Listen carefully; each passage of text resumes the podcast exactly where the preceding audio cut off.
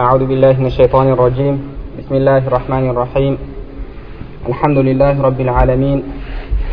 والصلاة والسلام على نبينا وإمامنا وقدوتنا وقرة عيوننا محمد وعلى آله وأصحابه أجمعين. اللهم لا سهل إلا ما جعلته سهلا وأنت تجعل الحزن إذا شئت سهلا. ربي يسر ولا تعسر ربي تمم بالخير. ربي اشرح لي صدري ويسر لي أمري واحلل عقدة من لساني يفقه قولي. اللهم علمنا ما ينفعنا وانفعنا بما علمتنا وزدنا علما وتقا وإخلاصا يا رب العالمين أما بعد السلام عليكم ورحمة الله وبركاته әлемдердің жаратушысы болған бізге шексіз нығметтерін берген және нығметтерінің ең ұлысы болған ислам иман нығметін берген бізді бір өзіне табынатын мұсылмандардан етіп жаратқан алла субханала тағалаға хамду саналар шексіз мақтаулар болсын. Алла субханала тағаланың соңғы елшісі сүйікті пайғамбарымыз мұхаммедке оның отбасына оның сахабаларына және соларға қияметке дейін ізгілікте ергендерге алла субханала тағаланың салауат сәлемдері болсын. Алла субханала тағала осындай өзінің қасиетті үйінде мешітте бізді алла субханала тағаланы зікір ету үшін алла субханала тағаланы тану үшін жиналып отырған екенбіз осы отырыстарымызда алла субханала тағала хадисте келгендей періштелердің алдындарында періштелердің алдында мақтаныш тұтатын мақтаныш ететін және нұр болып аспаннан сондай нұр болып көрінетін отырыстардан етуін және осы отырыстың себебімен алла субханала тағала баршылығымыздың күнәларымызды кешірген болсын міне иншалла бүгін алла субханала тағаладан хайырын сұрап иншалла сәттілігін сұрап жаңа дәріс бастағалы бұл бүгін бастайтын дәрісіміз иншалла ақида яғни сенімге қатысты дәріс сенім бұл өте маңызды тақырып мұсылман адамның өміріндегі өте маңызды тақырып жалпы әлемде әртүрлі тақырыпта кітаптар өте көп. Сондай бір зерттеу жүргізген ғұламалар айтады егер бір мемлекетте мысалы өзіміздің мемлекетте бір мемлекетте бір тілде бір күнде жарық көре, көрілетін жарық көретін басылымдарды бір адамның алдына жинап берсе оның жүз жылдай уақыт кетеді екен соны оқып бітіруге бұл бір күндік басылым яғни бір мемлекетте бір тілде басқа тілдерді алмайық бір тілдің өзінде түрлі салаларда түрлі тақырыптарда жарық көретін басылымдарды бір адамның алдына жинап беретін болсақ оның жүз жыл уақытын алады екен соны оқып шығу үшін бұл да нені білдіреді бұл да болса әлемде әртүрлі салаларда әртүрлі тақырыптарда жазылып жатқан кітаптардың басылып жатқан басылымдардың көптігін білдіреді. Яғни қазіргі кезде алып қарайтын болсаңыз ғылым ғылым дамыған уақыт. бір саланың ішінде жүздеген тармақтар бар. жүздеген тармақтардың ішінде әрбір тармақта мыңдаған кітаптар бар. Яғни бір саланың ішінде. Мысалы медицина саласын алып көретін болсақ медицинаның ішінде мыңдаған салалары бар. Және әрбір салада оның қанша мыңдаған тармақтары бар. Және әрқайсысында тағы да мыңдаған әрқайсысына қатысты кітаптар жазылған. Яғни тек қана бір ғылымның ішінде. Одан кейін басқа ғылымдарды да ойлап көре берсеңіз болады. Тақырып өте көп. Тақырып өте көп. Енді мысалы бір адамның үйінде осындай мешіттің көлеміндей кітапханасы бар. Кітапхананың іші тола кітап. Мыңдаған жүз мыңдаған тақырыпта кітаптар бар. Енді сол адамның бір аптадан кейін емтиханы бар. Егер сол емтиханнан сүрінбей өтетін болса сол емтиханды жақсы тапсырса өмірінде ол үлкен жетістіктерге қол жеткізеді. Оның алдынан үлкен мүмкіншіліктер ашылады. Енді сол үлкен кітапханасының ішінде жүз мыңдаған кітаптардың арасында бір аптадан кейін болатын емтиханына қатысты бір ақ кітап бар. Бір ақ кітап бар. Егер ол адам ақыл иесі болатын болса ақыл иесі болатын болса ол адам сол емтиханына қатысты кітапты алып оқиды. Жүз мыңдаған кітаптың бәрін шетке сырып қойып ең бірінші оқитын кітабы сол бір аптадан кейін болатын емтиханына қатысты кітап. Неге себебі? Сол емтиханға дайындалса сол емтиханнан сүрінбей өтсе оның алдында үлкен мүмкіншіліктер бар. Үлкен мансаптарға қол жеткізеді. Сол үшін ол соған дайындалады. Басқа кітаптарға қарамайды. Ал енді әлгі кісі сол емтиханға дайындалмай жүрсе дайындалмай жүріп емтихан өтіп кеткеннен кейін немесе емтихан басталған кезде кітапты ашатын болса оған оның пайдасы болмайды. Неге? Себебі алдын ала дайындалмады. Немесе уақыт өтіп кеткеннен кейін дайындалса. Ол сол тақырыпты сол емтиханға қатысты тақырыпты білді жаттап алса бет бетіне дейін. Бірақ емтихан өтіп кетті. Оған пайдасы болады ма? Әлбетте оның пайдасы болмайды. Сол үшін де ол адам өзіне керекті тақырыпты тиісті уақытта таңдай білу керек. Тиісті уақытта оқып соған дайындала білу керек. Ал уақыты келіп қойғаннан кейін уақыты өтіп кеткеннен кейін ол тақырыпқа дайындалған пайдасы болмайды. Ал біз қазір айтып кеттік әлемде мыңдаған жүз мыңдаған тақырыптар салалар бар ғылымдар бар. Енді біз мұсылман ретінде соны қайсысын таңдауымыз керек? Қайсысы біз үшін маңызды? Пайғамбарымыз саллаллаху алейхи уассалам бізге өзінің хадисінде ең маңызды тақырыптарды үйретіп кетті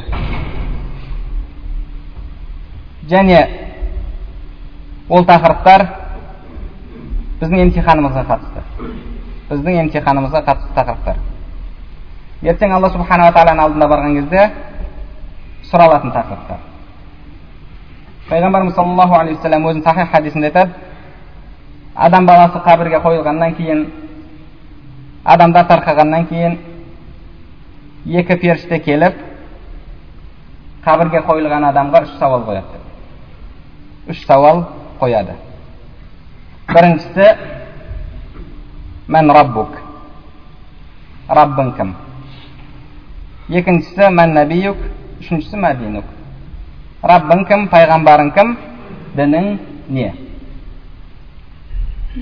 ертең біз қияметке барған кезде қандай дипломымыз болды қай саланың маманы болдық қай салада қызмет атқардық ол туралы сұралмайды екенбіз. Ең бірінші сұралатын нәрсеміз ол раббың кім? Қабірде бірінші қойылатын сұрақ бұл тақырыптың маңыздылығын білдіреді. Яғни біз үшін ең маңызды болған тақырып ең маңызды болған ғылым ол бірінші ең бірінші алла субханала тағаланы тану екен. Мән раббук себебі бізге мән раббук раббың кім деген сұрақ қойылады раббысын бұл дүниеде танып раббысына иман келтірген адам ол адам сұраққа иншалла қиналмай жауап береді және сол сұраққа сол біліміне жараса амал сүрген адам амал жасаған адам яғни біз сол мыңдаған тақырыптардың ішінен жүз мыңдаған тақырыптардың ішінен жүз мыңдаған басылымдардың ішінен өзімізге ең керекті ең маңыздысын таңдай білуіміз керек әлбетте егер ақыл иесі болатын болсақ ол да болса біріншісі не екен бірінші тақырып ең маңызды тақырып ол қабірде бірінші қойылатын сұраққа қатысты тақырып мән раббук раббың кім енді біз әлгі емтиханға дайындалмаған адам сияқты дайындалмай жүретін болсақ ертең қабірге қойылған кезде біз ақиқатты білген кезде соған иман келтіріп жатсақ оның пайдасы болмайды. Адам бұл дүниеде раббысын танымай жүретін шығар. Раббысына иман келтірмейтін шығар. Бірақ ертең өлім келген кезде жан алқымға келген кезде адам шындықты көреді. Шындықты көреді. Шындыққа мойынсынады шындыққа иман келтіреді оған дәлел алла субханала тағала құран кәрімде айтады. Өлім шындықты алып келді дейді. Және аяттың жалғасында айтады. Келесі аятта. Бүгін сенің көзің өткір деді сенің көзің өткір деді яғни адам баласы өлім сәті келген кезде шындықты көреді екен. Неге? Себебі шындық өлімді алып келеді. Өлім шындықты алып келеді. Және ол күні адамның көзі өткір болады. Бұл дүниеде сенбей жүрген мойынсұнбай жүрген адам бәрі өлім сәті келген кезде шындыққа көз жеткізеді. Бірақ оның пайдасы болады ма? Оның пайдасы болмайды. Фирауын да өліп бара жатып шындыққа көз жеткізген кезде шындыққа көз жетіп мойынсұнған кезде не деді? Қал айтты юнус сүресінде алла тағала келтіреді.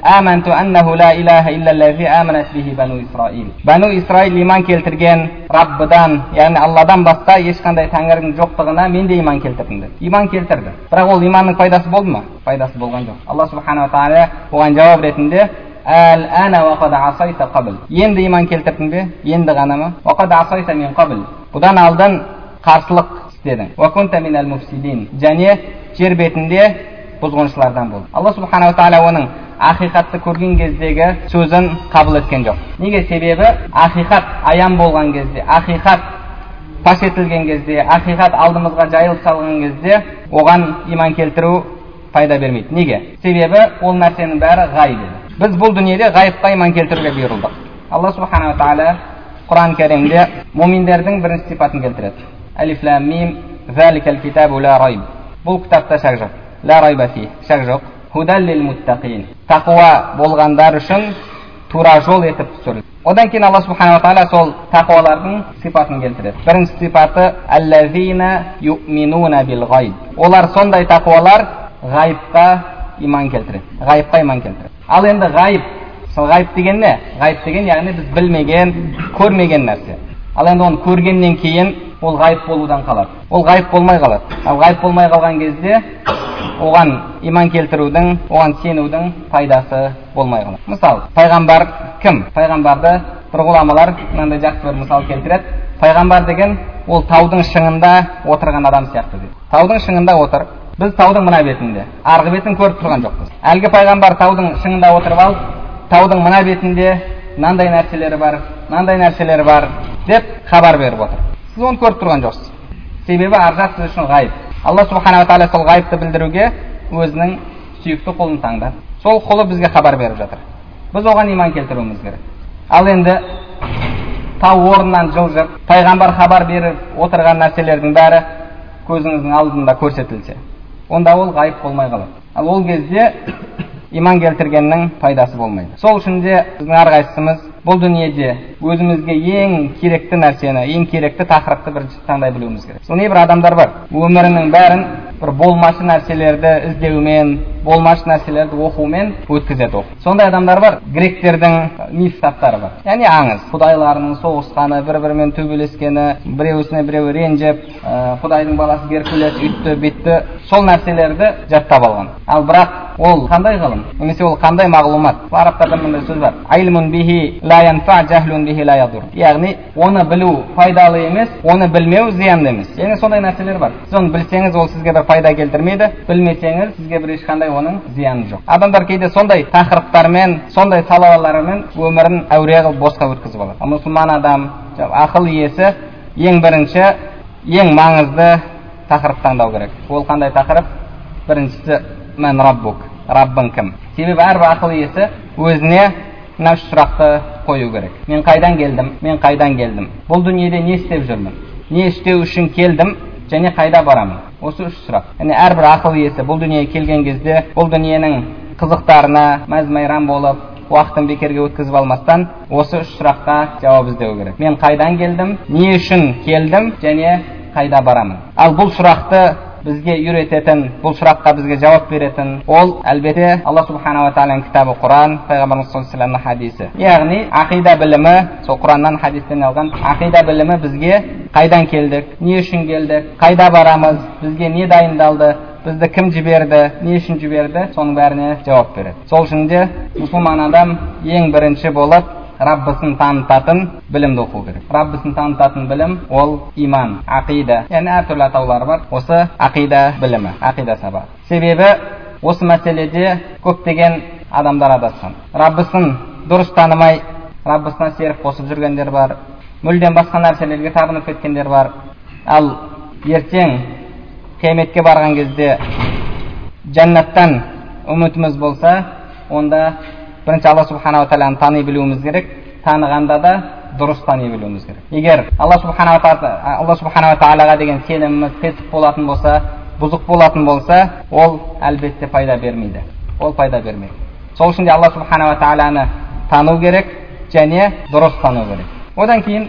жалпы алла субханала тағалаға адам иман келтірген кезде бақытқа қол жеткізеді тек қана ақиреттік бақыт емес бұл дүниенің де бақыты себебі алла субханала тағала құран кәрімде өзінің иман келтірген құлдарының ізгі амал істеген құлдарының жақсы өмір сүретіндігін алла субханала тағала бізге білдіріп қойды ол адам бұл дүниеде де о дүниеде де бақытты болады бақытқа қол жеткізеді себебі аллаға деген иманның ақиданың адамның өмірінде адамның өмірінде атқаратын рөлі өте зор өте маңызды атқарады.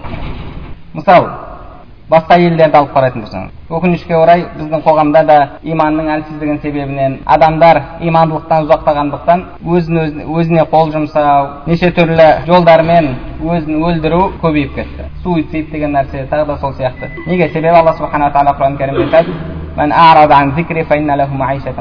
кім менің дінімнен бет бұратын болса ол қор болған өмір сүреді. Сондай қорлықта өмір сүреді. Ал енді кімде кім алла субханала тағала иман келтірсе бұл дүние сынақ дүние екенін білсе ертең ақиретте жәннат немесе тозақ үшін жаратылғанын білетін болса ол адам бұл дүниенің қиыншылықтарына бұл дүниенің азаптарына ол әлбетте сабыр етеді. Оны күліп қарсы алады. Неге себебі? Ол пайғамбарымыз саллаллаху алейхи вассалам өзінің хадисінде айтқандай адамның аяғына кірген тікеннің өзі де ол үшін кәффарат яғни мұсылман адамның аяғына тікен кірсе оның өзі каффарат деді сол үшін де ол оның каффарат екенін бұл дүние сынақ дүниесі екенін ертең мәңгі дүние бар екенін нағыз бақыт немесе нағыз азап сол жақта екенін ол адам білген кезде ол адам қиналмай бұл дүниеде жақсы өмір сүреді сол жақында бір жағдай болды екі адамға қатысты екі адам да зиян шегіп тұр енді бір жағдай болып қалды енді бір соның бірі мұсылман намаз оқиды екіншісі намазда жоқ яғни бір материалдық шығынға ұшырады екі адам сонда екеуінің позициясы қарап тұрсаңыз яғни өзім куәгері болдым екі түрлі біреуі алланың жазғанында алла субханала тағала қайырлысын нәсіп етсін алла субханала тағала тағдырымызға жазыпты алланың қалағаны болады сөйтіп сабыр етіп тұр екіншісі жанында тұр аузынан шеше де кетіп жатыр әке де кетіп жатыр яғни бұғы аузының бәрі аузынан ақ ет кіріп көк шығып жатыр неге? Себебі ол арғы жақты көріп тұрған жоқ. Оның дальный жоқ. Тек қана ближныймен жүреді да ал мұсылман адам ол әрдайым не дальныйын жағып жүреді. Яғни ар жағында не күтіп тұр ар жағында не бар ол сонымен есептейді барлық сол үшін де әшейін бір кішкентай жағдайдың өзінде екі түрлі позиция. Ал енді үлкен мұсибат үлкен проблема болып жатса әлбетте әлгі адам әкең шешеңмен тоқтап қалмайды. Оның ол тағы да басқа нәрселерге ұрынады бірде бір оқиға есіме түсіп отыр. Бір жігіт германияда оқып келген өзінің басынан өткен немесе кездескен адамның сөзін айтып беріп жатыр бірде қарағандыда болған кезде мен бір күні бір досым жүр мешітке барайық намаз оқиық деді сөйтіп маған мынандай ой келді. Біз ол жақта түріктер өте көп. Германияда болсын голландияда болсын ол жақта түрік бауырларымыз өте көп. Түріктер имамдық ететін мешіттер бар. Және сол германия яғни неміс халқының өзінен де имамдар бар және исламға кіргендер бар. Әлгі жігіт айтады мен айттым жүр бір сондай ислам қабылдаған неміске барайық имамға. Сол жерде намаз оқиық танысайық. Исламды қабылдаған болса не үшін қабылдады екен?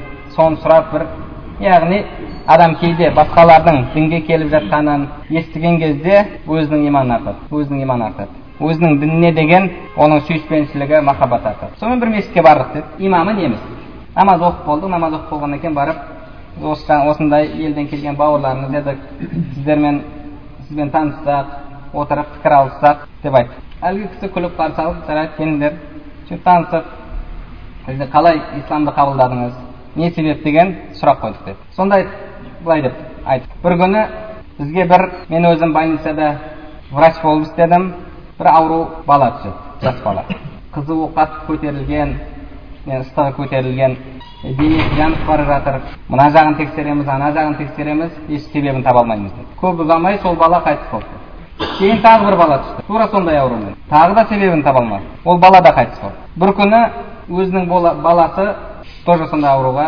шалдығады сондай ауруға шалдығады сөйтіп ол баласы да қайтыс болады сол кезде яғни сол баласы ауырған кезде одан алдын бір бала түскен кезде жанымда бір түрік мұсылман врач кісі бар еді сол кісі айтты дейді бұларды сүндетке сүндетке отырғызу керек деп сүндетке отырғызу керек мен айттым сүндетке отырғызудың бұған қандай қатысы бар? Оның басқа да ол басқа себеп болуы мүмкін бұл ешқандай себеп болмайды деп оның сөзіне құлақ аспадым.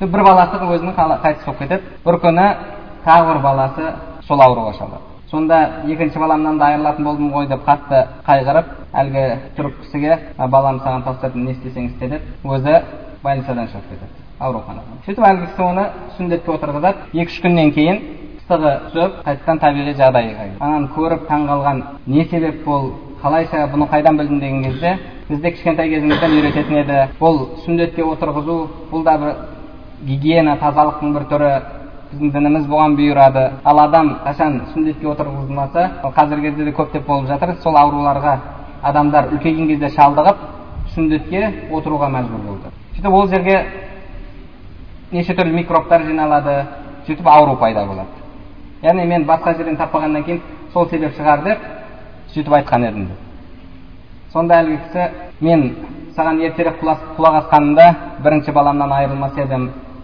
саған бекер құлақ аспаппын деп.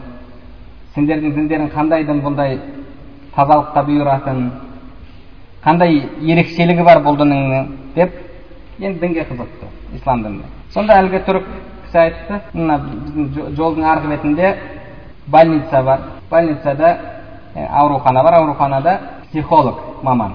Психолог маман бар.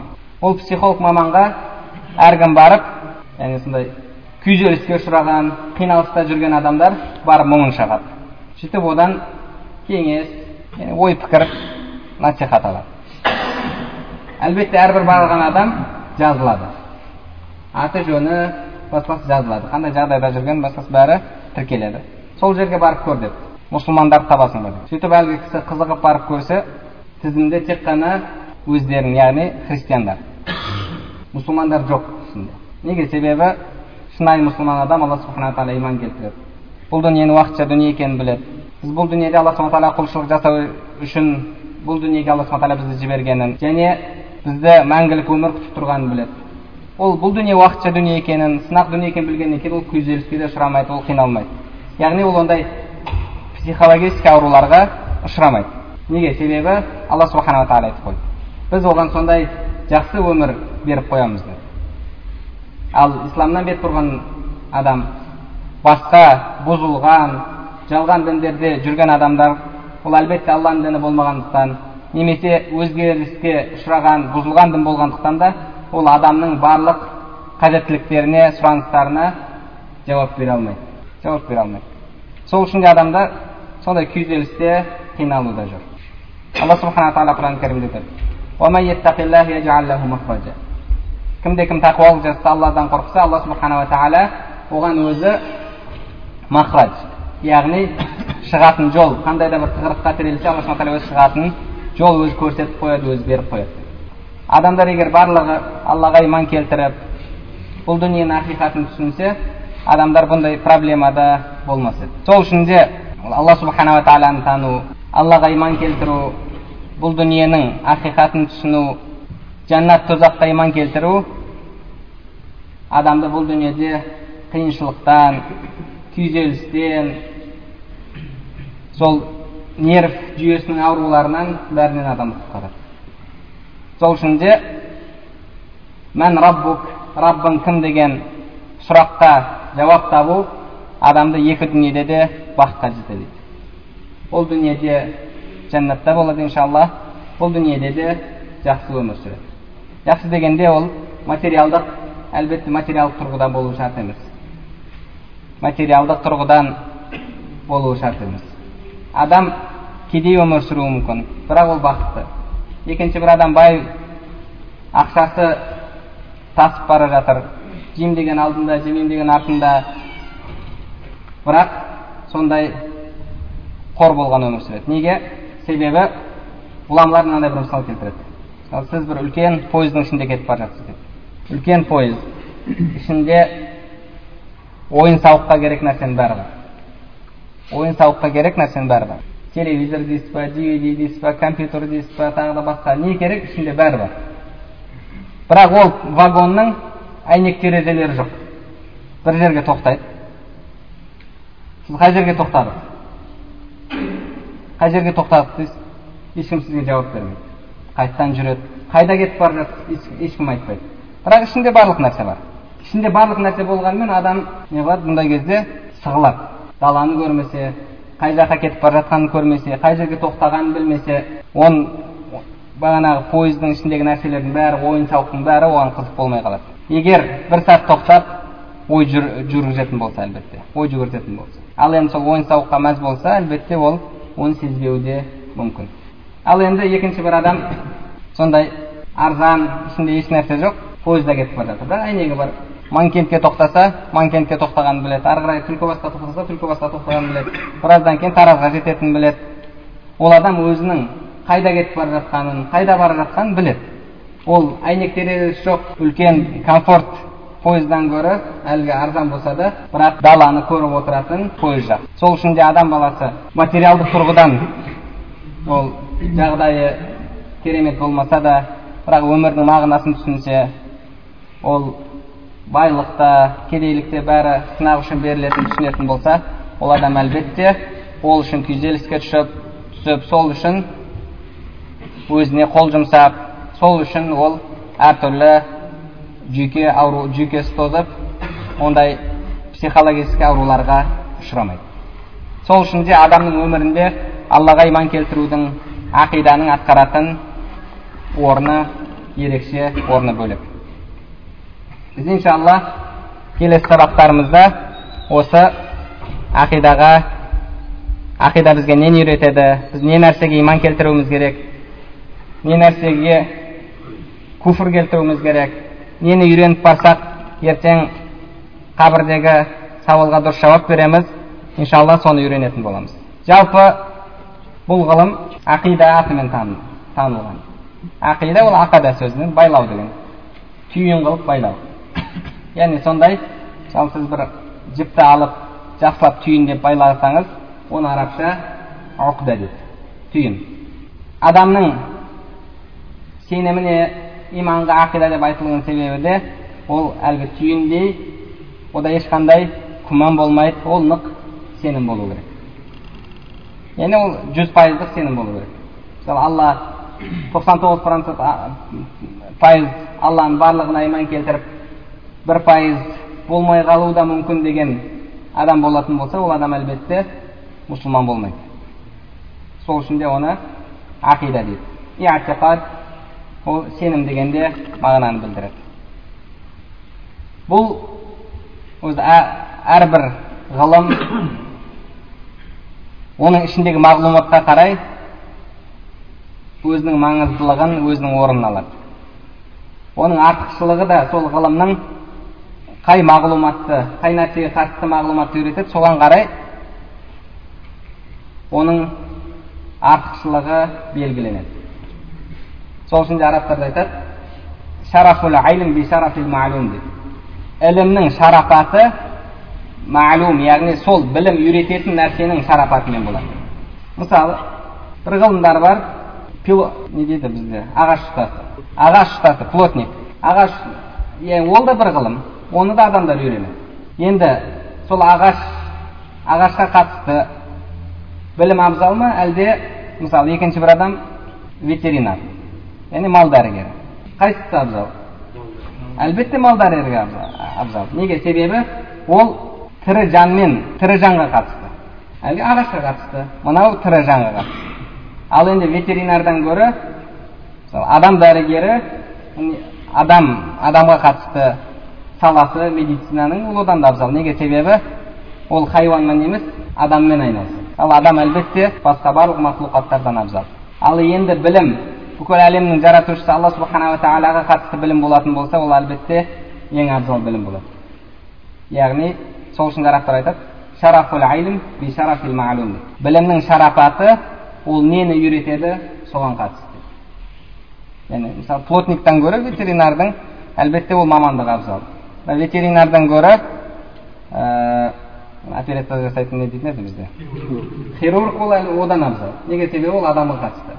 Мынау малдың жанын сақтап қалуға себепші болып жатса екінші бір адам адамның жанын сақтап қалуға себепші болып жатыр. Ал ақида білімі бұл адамды бұл дүниеде де о дүниеде де сақтап қалатын білім оны жалпылама яғни қысқаша пайғамбарымыз саллаллаху алейхи уассалам өзінің хадисінде баяндап кетеді ол бәрімізге белгілі болған хадис жибрил жибраил алейхисаламнан жибраил алейхисаламға қатысты хадис омар радиаллаху анху айтады бірде бізге бір бейтаныс кісі кіріп келді шашы қара үсті киімі тап таза одан ешқандай бір сапардың немесе бір шаршаудың әсері көрінбейді яғни бір ұзақтан келген адам емес себебі сапарда жүрген адам ә, әсіресе сол кездерде түйеде жүрген адамның үстінен сапардың белгісі көрінеді бұл адамның үстінен ешқандай сапардың белгісі көрінбейді дейді келіп пайғамбарымыз саллаллаху алейхи вассаламға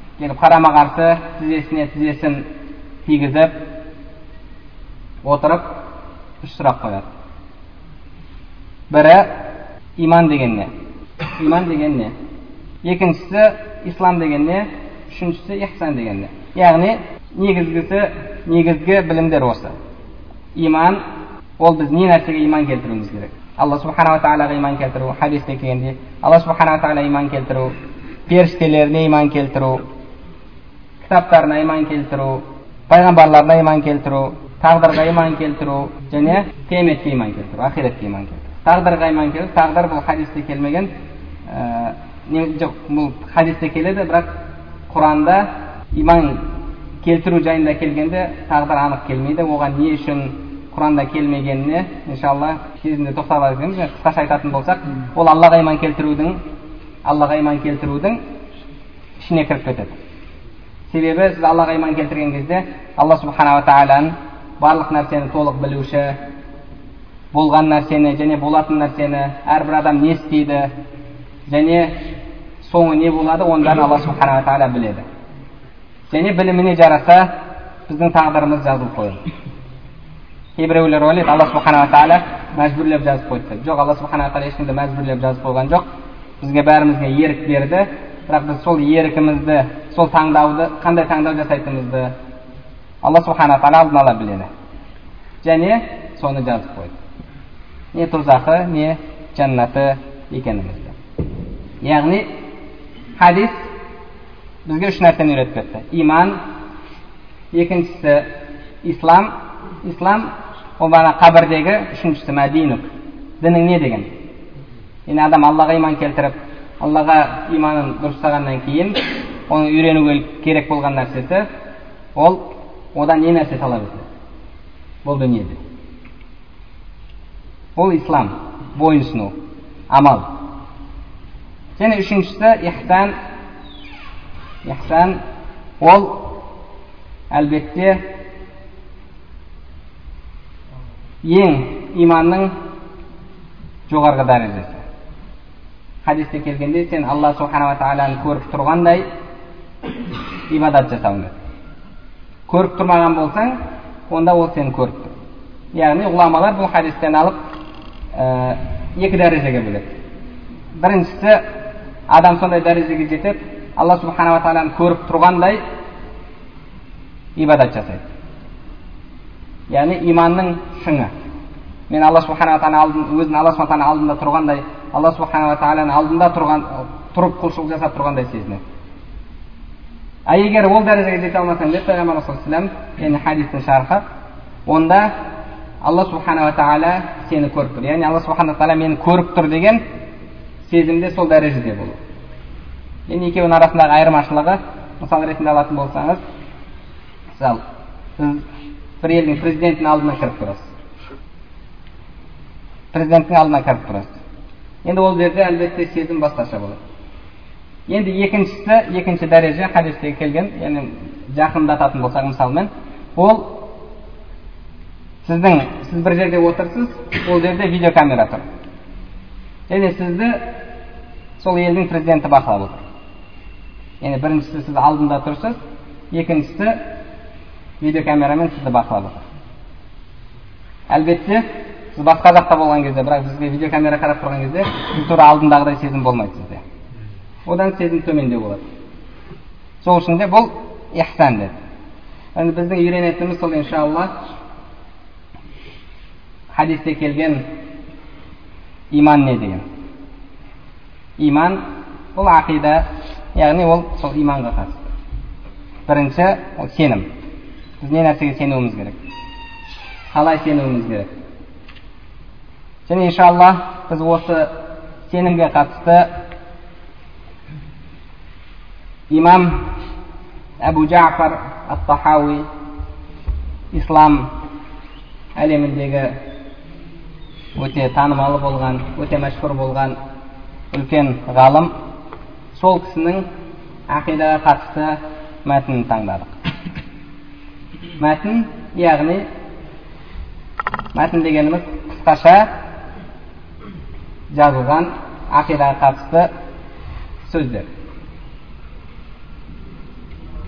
имам әбу жафар тахауи бұл кісі ол кісінің толық аты имам әбу жафар әбу жафар яғни ол куния делінеді араб тілінде куния дейді куния деген әкесіні баласының баласының атымен пәленшінің әкесі деп атады сол әбу бәкір әбу бәкір яғни бәкірдің әкесі әбу жафар яғни жафардың әкесі пайғамбарымыз саллаллаху алейhi аттарының бірі әбул қасим қасимнің әкесі дейді және арабтарда әдет ұл баланың ұл балаға яғни куния қойған кезде ұл баланың атымен қойылады ұл бала болмаса онда қыз баланың атымен ал егер мысалы қыздары ұлынан үлкен болса да бірақ баланың атымен қойылады куния ал егер тек балдар болатын болса онда үлкен баласының атымен қойылады енді бұл кісінің әбу жафар деген ол кунияты әбу деген әкесі деген сөз жафар яғни жафардың әкесі деген сөз аты ахмад ибн сәләмә ахмад сәләмәнің ұлы ибн сәләмә яғни оның әкесі сәләмә әл әзди әз деген рудан әл хаджри әл мұсри мысырлық мысырда дүниеге келген ғалым ат тахауи яғни сол мысырда таха деген жерден әл ханафи ханафи ғұламасы бұл кісі 229 жылы дүниеге келген және 321 жылы дүниеден өткен 321 жылы дүниеден өткен бұл кісі мұхаддис әрі фақи яғни мұхаддис дегеніміз хадис ғалымы фақи фиқ ғалымы және басқа да пәндерде басқа да салаларда танымал болған үлкен ғалым өмірінің басында бұл кісі шафиғи мазхабында болған шафиғи мазхабында болған және имам шафиғидің шәкірті имам музани имам музани бұл кісінің арабша халид яғни дядясы дядя деген кезде ол көкесі анасы жағынан анасы жағынан көкесі яғни нағашы көкесі енді бұл кісі болып келеді сонда имам музаниге жиен болады имам музанидің имам шафиайдың шәкіртінің жиені.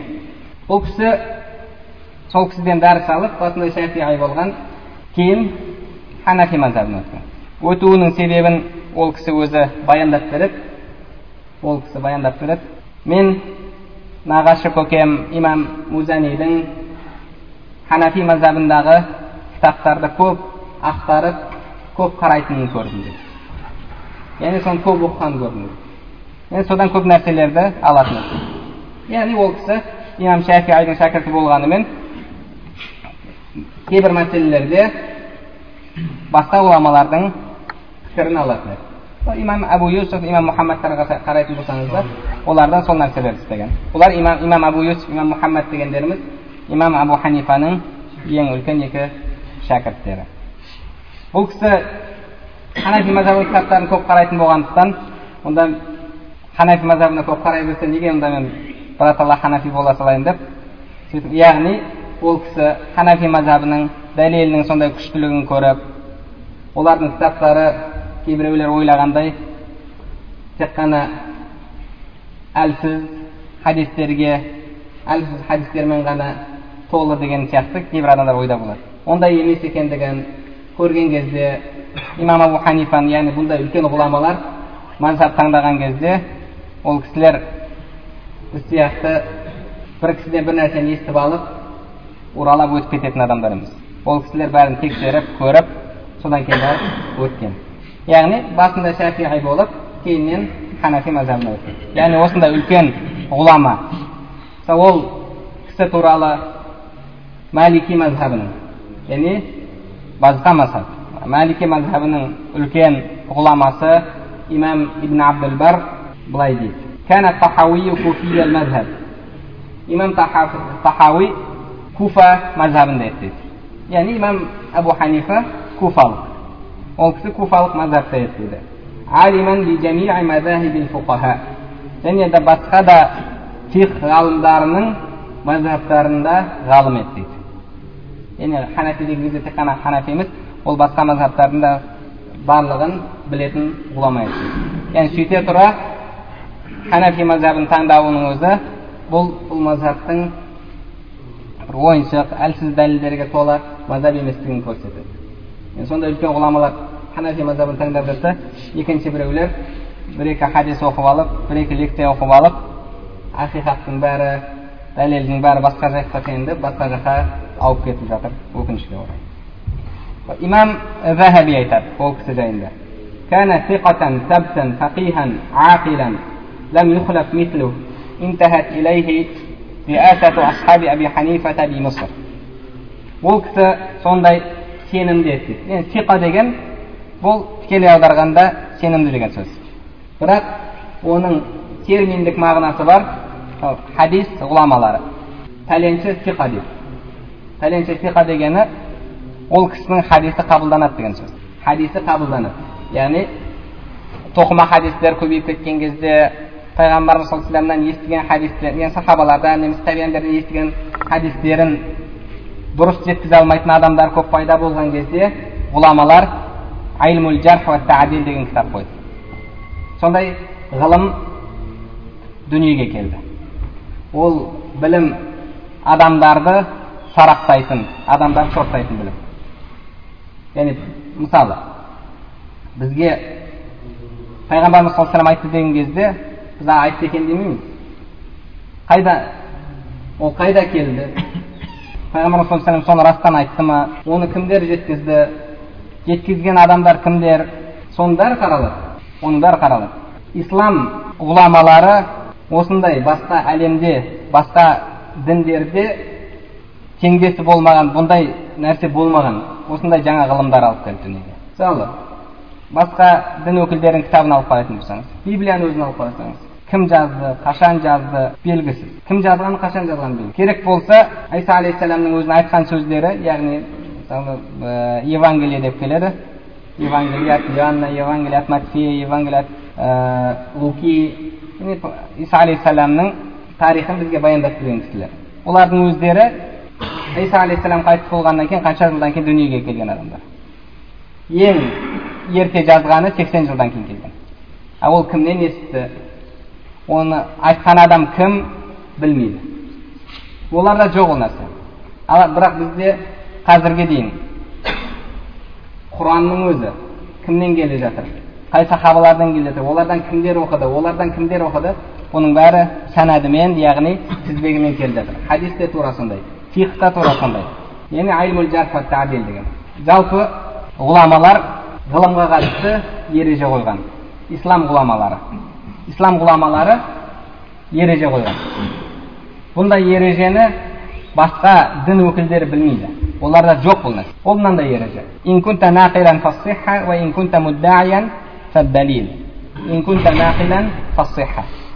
яғни мағынасы бір нәрсені жеткізуші болсаң бір нәрсені жеткізуші болсаң онда оның дұрыстығы керек оның шындығы керек яғни қалай мысалы білім білім екі түрлі болады бірі хабар хабар екіншісі бір нәрсені дауа ету мысалы пәленше ғасырда мынандай бір ғасырда мынандай бір қалада мынандай соғыс болды. Бұл хабар ма? Болған нәрсе ғой. Ал енді оны дәлелдеу үшін не керек? Оны дәлелдеу үшін. Саған кім жеткізді? Жеткізген адам кім? Сенімді адам ба? Жалған сөйлемейді ма оны тағы басқа бір адам естіді ма олар кімнен естіді? Ол естіген адамдар қандай? Жалғаншы ма? Немесе жалған сөйлемейтін адамдар ма?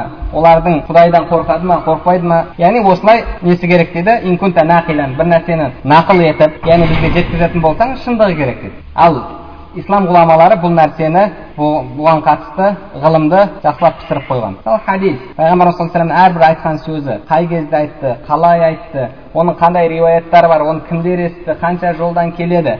Бұның бәрі ғылым. Екіншісі бір нәрсені дауа ету мысалы бір адам айтса жер күн жерде емес күн жерде емес жер күнде айналады десе оған саған кім айтты кімнен естідің делінбейді оған дәлелдеп бер дейді оған дәлелдеп бер яғни бір нәрсені хабар хабарын жеткізетін болсаң онда оның шын екенін дәлелдеп бер ал енді бір нәрсені дауа ететін болсаң мынау мынандай деп онда оны да дәлелдеп бер дейді бірақ екеуін дәлелдеу екі түрлі болады ал енді хадиске қатысты хабарға қатысты әлгі оны кімдер естіді қай жерлерде келді оны кімдер жазды соған қатысты болады сол ғылымда адамдар сараптайды бірінші дәрежелі екінші дәрежелі үшінші дәрежелі оның тақуалық жағасын болсын оның жаттау қабілеті болсын барлығын ғұламалар зерттеп хадисті бізге жеткізген жүз мыңдаған адамдардың бәрінің қарасаңыз кітапты ашып қарайтын болсаңыз пәленші ол сенімді жаттау қабілеті керемет пәленше түгеншілерден хадис естіген ұстаздары мынау деп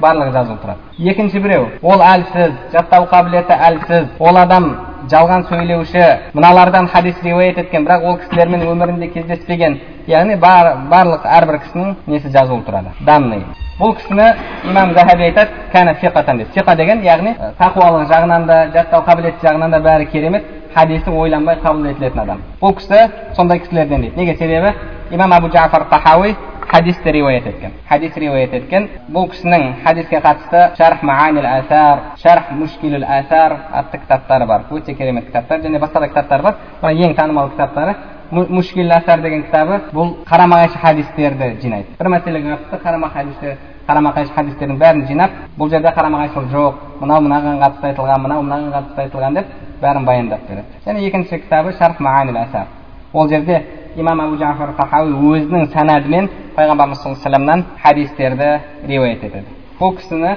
хадис жағынан сиқа деген дәреже беріп отыр екіншісі фақихан дейді фиқхта ғалым дейді үшіншісі ақилан өте ақылды кісілерден дейді оған ұқсағандар болмаған дейді және ханафи мазхабының басшылығы сол кісіге тоқтаған мысырда яғни мысырдағы ханафи ғұламаларының ең ұлысы болған дейді бұны имам захаби тәзкиратул хуфаз атты кітабының бірінші бөлімі 81 бірінші бетінде келтіреді. Яғни бұл кісі осындай ғұламалар үлкен ғұламалар осындай деп тәзкия беріп жатқан үлкен ғұлама. Енді бұл кісі бұл кісі. Бұл кісінің мәтінін таңдауымыздың тағы бір себебі орысша айтқанда общепризнанный. Яғни барлық тайпалар мойындаған кісі. Сәләфи де халяфи де басқасы да барлығы имам абу жафар тахауи деген кезде екі қолын көтереді тоқтайды бұл кісіге қатысты неге себебі бүкіл үммет бұл кісіні мойындаған және бұл кісінің жазған осы ақидаға қатысты осы кітапшасында кітапша дейміз ба мәтінін де барлығы мойындаған оған қатысты ешқайсысы бұл дұрыс емес мына жері адасқан бұның ақидасы дұрыс емес деген сөз айтпаған ал енді ондай әйгілі кісі танымал кісі бір нәрсені айтып жатқан кезде мысалы ә, сөзі сөзін адамдар қабылдайтын кісі бір нәрсені айтып жатқан кезде ол кісі қателесіп жатса басқа ғалымдар әлбетте үндемей қалмайды. Мысалы үлкен бір ғалым екінші бір ғалымның сөзін естісе сөзі адамдарға жететін адамдар өзін оның сөзін қабылдайтын адам бір нәрсені айтып жатса екінші ғалым дінге ашитын жан ашитын болса ол оның дұрыс емес екендігін баяндайды. Дұрыс емес екендігін баян етеді. Ал енді көшеде жүрген біреу айтып жатса айтады ей бұны кім тыңдайды? дейді яғни ә, адамның авторитетіне қарай ғұламалар да оның сөзіне яғни реакциялары оның авторитетіне қарай болады. Көшеде біреу жүрсе бір нәрсе айтып жатса ол, ол мысалы кітап жазбайды. Көшеде бір адамды көрді мысалы пісте сатып жүрген адамды көрдім. Мынандай сөз айтып жатыр ол сөз адасу деп оған қарсы кітап жазды. Ал бірақ үлкен ғұламадан қате сөз шығып жатса оның сөзі адамдардың арасында тарқайды. Ол кезде олар үндемей қалмайды. Енді имам жафар сахауи сондай үлкен ғұлама осы кітапты жазған кезде ол кісіге мына кітабың дұрыс емес бұл бұл жерде сен ақидадан тайдың бұзылды бұзық бізге жеткізіп жатсың деп ешқандай ғұлама айтқан жоқ яғни бұл бүкіл үммет қабылдаған мәтін болды есептеледі сол үшін де біз осыны таңдадық неге себебі қараңыз бұл кісі бұл кітапты өмірінің аяғында емес өмірінің басында жазған яғни ал енді бұл кісі өмір сүріп жатқан кезде мысалы имам бұхари имам бұхари 256 жылы қайтыс болған ол кісі қайтыс болған кезде имам әбу жафар тахауи қаншада еді жиырма жетіде болады жиырма жетіде болады себебі ол кісі екі жүз жиырма тоғызыншы жылы туылған имам муслим қайтыс болған кезде ол кісі отыз екі жаста еді имам муслим екі жүз алпыс бірінші жылы қайтыс болған және имам муслим хадис алған кісілерден бұл кісі де хадис алған яғни бұл кісі мен имам муслим екеуінің шейхтары ортақ ортақ шейхтары имам муслим де хадис алған бұл кісі де хадис алған енді имам әбу дауд қайтыс болған кезде имам тахауидің жасы қырық алтыда еді имам әбу дауд екі жүз жетпіс бесінші жылы қайтыс болған ол кісімен де ортақтасып шейхтардан хадис алған ал имам термизи қайтыс болған кезде бұл кісінің жасы елуде еді имам термизи бұл кісі екі жүз жетпіс тоғызыншы жылы яғни бұның бәрі хижри хижра бойынша екі жүз жетпіс тоғызыншы жылы қайтыс болған имам насаи қайтыс болған кезде бұл кісінің жасы жетпіс төртте имам насаи үш жүз үшінші жылы қайтыс болған және ол кісімен де ортақтасып ол ортақ шейхтары бар хадистер риуаят еткен имам ибн мажа қайтыс болған кезде бұл кісінің жасы қырық төртте имам ибн мажа екі жүз жетпіс үшінші жылы қайтыс болған ол кісімен де ортақтасып ол кісінің шейхтарынан яғни ол тек ол кісінің шейхтары болмайды ортақ шейхтары бар бірге хадис алған яғни осындай үлкен мұхаддис ғұламалар өмір сүрген кезде бұл кісі өмір сүрген және кітабы жазылған. Яғни білім қайнап пісіп жатқан кезінде бұл кісі өмір сүрді. Бұл кісіден имам табаранилар риуаят етеді. Яғни осындай кезде ол кітап жазылған кезде әлгі ғұламалар бұл ақида дұрыс емес болғанда ол ақидаға қарсы әлбетте жауаптар болар еді. Себебі имам тахауи өте әйгілі ғұламалардан. Енді бұл шархты таңдауымыздың тағы бір себебі бұл кісіге қарсы ешкім еш нәрсе демеген яғни адасушы басқа деген сөздерді айтпаған басқа ғұламаларға айтқан сияқты сол үшін де бұл кісіні бүкіл үммет қабыл еткен десем де өкінішке орай бұл кісінің сөздерін бұрмалап шарх етушілер бар бұл кісінің сөздерін бұрмалап басқаша тәпсірлеп қазіргі кезде көптеген шархтар таралып жатыр яғни бұзық шархты алып келеді да шарх деген түсініктеме сол кісінің сөзіне түсініктеме. Бұзылған шархты алып келеді да сонымен шархтап беріп міне имам абу жафар тахауидің ақидасы. Имам абу жафар тахауи ақидасының кітабының басында не дейді? Бұл имам абу ханифа имам әбу юсуф имам мұхаммадтардың ақидасы дейді. Сол кісілердің ақидасы деп соны келтіреді. Міне көрдің ба имам абу ханифаның ақидасы осы сен қалай бұл ақидаға қарсы шығасың? Деп адамдарды қисық шарықтармен жолдан бұрып алып кетеді. Көптеген шарықтар көбейіп кетті. Бірақ бәрінде бұрмалау бар сол үшін де біз иншалла осы шарықты осы имам әбу жафар тахауидің мәтінін таңдадық және болашақта иншалла ә, бізде қазіргі кезде пәленшенің ақидасы дұрыс емес пәленше ақидадан кеткен аналардың ақидасы адасу мыналардың ақидасы мынандай деген сияқты сөздер бізде көп тарап жүр сол мәселелерге қатысты яғни таласты мәселелерге де иншалла уақыты келгенде тоқтап кетеміз уақыт келген кезде тоқтап кетеміз. Және сол кезде ол кісінің мәтіні қандай? Және оған қатысты имам абу ханифа өзінің кітабында не деді? Иншалла сол мәселелерге тоқтап кетеміз.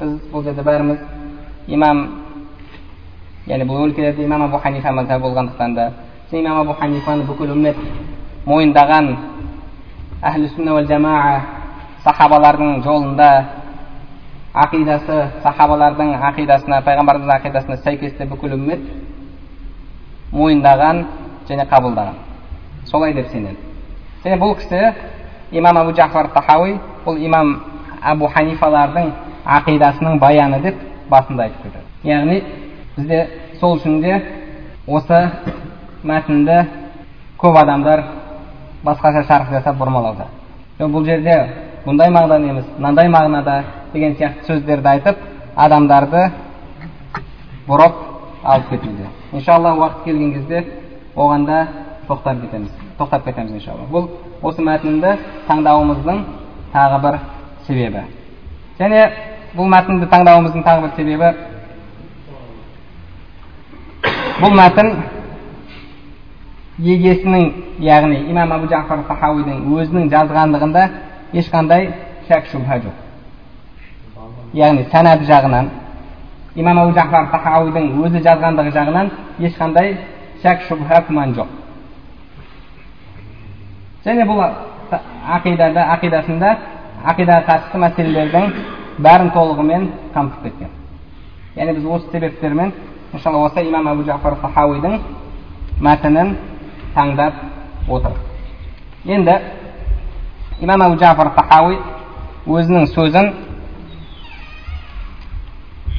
былай деп бастайды бұл имам абу ханифаның фуқаха милла ислам дінінің үлкен фатих ғұламаларының ақидасы деп бастайды имам абу ханифа имам абу юсуф имам мұхаммадтардың ақидасы деп бастайды оны иншалла қазір уақытымыз болып қалды ендігі жолы иншалла оқып берерміз енді яғни бұл кісі олар сипаттап жатқан кезде үлкен ғұламалар деп ислам дінінің ғұламалары деп сипаттап жатыр себебі әрбір жамаада болған адам бұл имамдарды жақсы көреді ол имамдарға тілін тигізбейді бұл имамдарды құрмет, құрметтейді мысалы үлкен имам абу жафар сахауидің өзі ол кісілер жайында осындай сөз айтып жатыр ал енді екінші біреулер басқа біреулер кейбіреулер имам абу ханифа хадисте әлсіз болған хадис білмеген ол он жеті хадис қана білген деген сияқты жалған еш ақылға сыймайтын сөздерді айтып жатыр айтып жатыр және әртүрлі сипаттармен сипаттап жатады яғни бұл кісілерге деген махаббат өз әхлі сүнна жамааның белгісінде бұл кісілерге деген махаббатпен де білуге болады кім ол кісі туралы не дейді себебі бұл кісілер жамааның үлкен ғұламалары иншалла алла субханала тағала өмір жазса бүгін жалпы кіріспе болсын дедік бұл ә, ғылымның маңыздылығы жағын жайында бұл кісімен таныстырып өттік иншалла ендігі сабағымызда алла субхана нәсіп етсе яғни ендігі дүйсенбі күні бұл кісінің мәтініне кірісеміз иншалла мәтініне кіріп мәтінін оқып иншалла шарх етуді бастаймыз және кімде кім сол шархтан күмәнданып жатса ол адам келуіне болады себебі мынандай бір кейде сөздер тарап жүреді е олар шарықтаған кезде бұрмалап шарықтайды олар дұрыс емес түсінік береді деген сияқты сөздер айтып жатыр сондай сөздерді айтып жатқан адамдар болса ол адамдарға айтыңыздар келіңдер мәтінін алып келіңдер арабша түсінетін адам болса арабша түсінетін адамды алып келіңдер сөйтіп отырып кім бұрмалап жатыр қалай бұрмалап жатыр иншалла әрбір сөзімізге жауап беруге дайынбыз. Алла субханала тағала бәрімізге пайдалы білім нәсіп етсін білімдерімізге амал қылуымызды және амалдарымыздың қабыл болуын нәсіп етсін.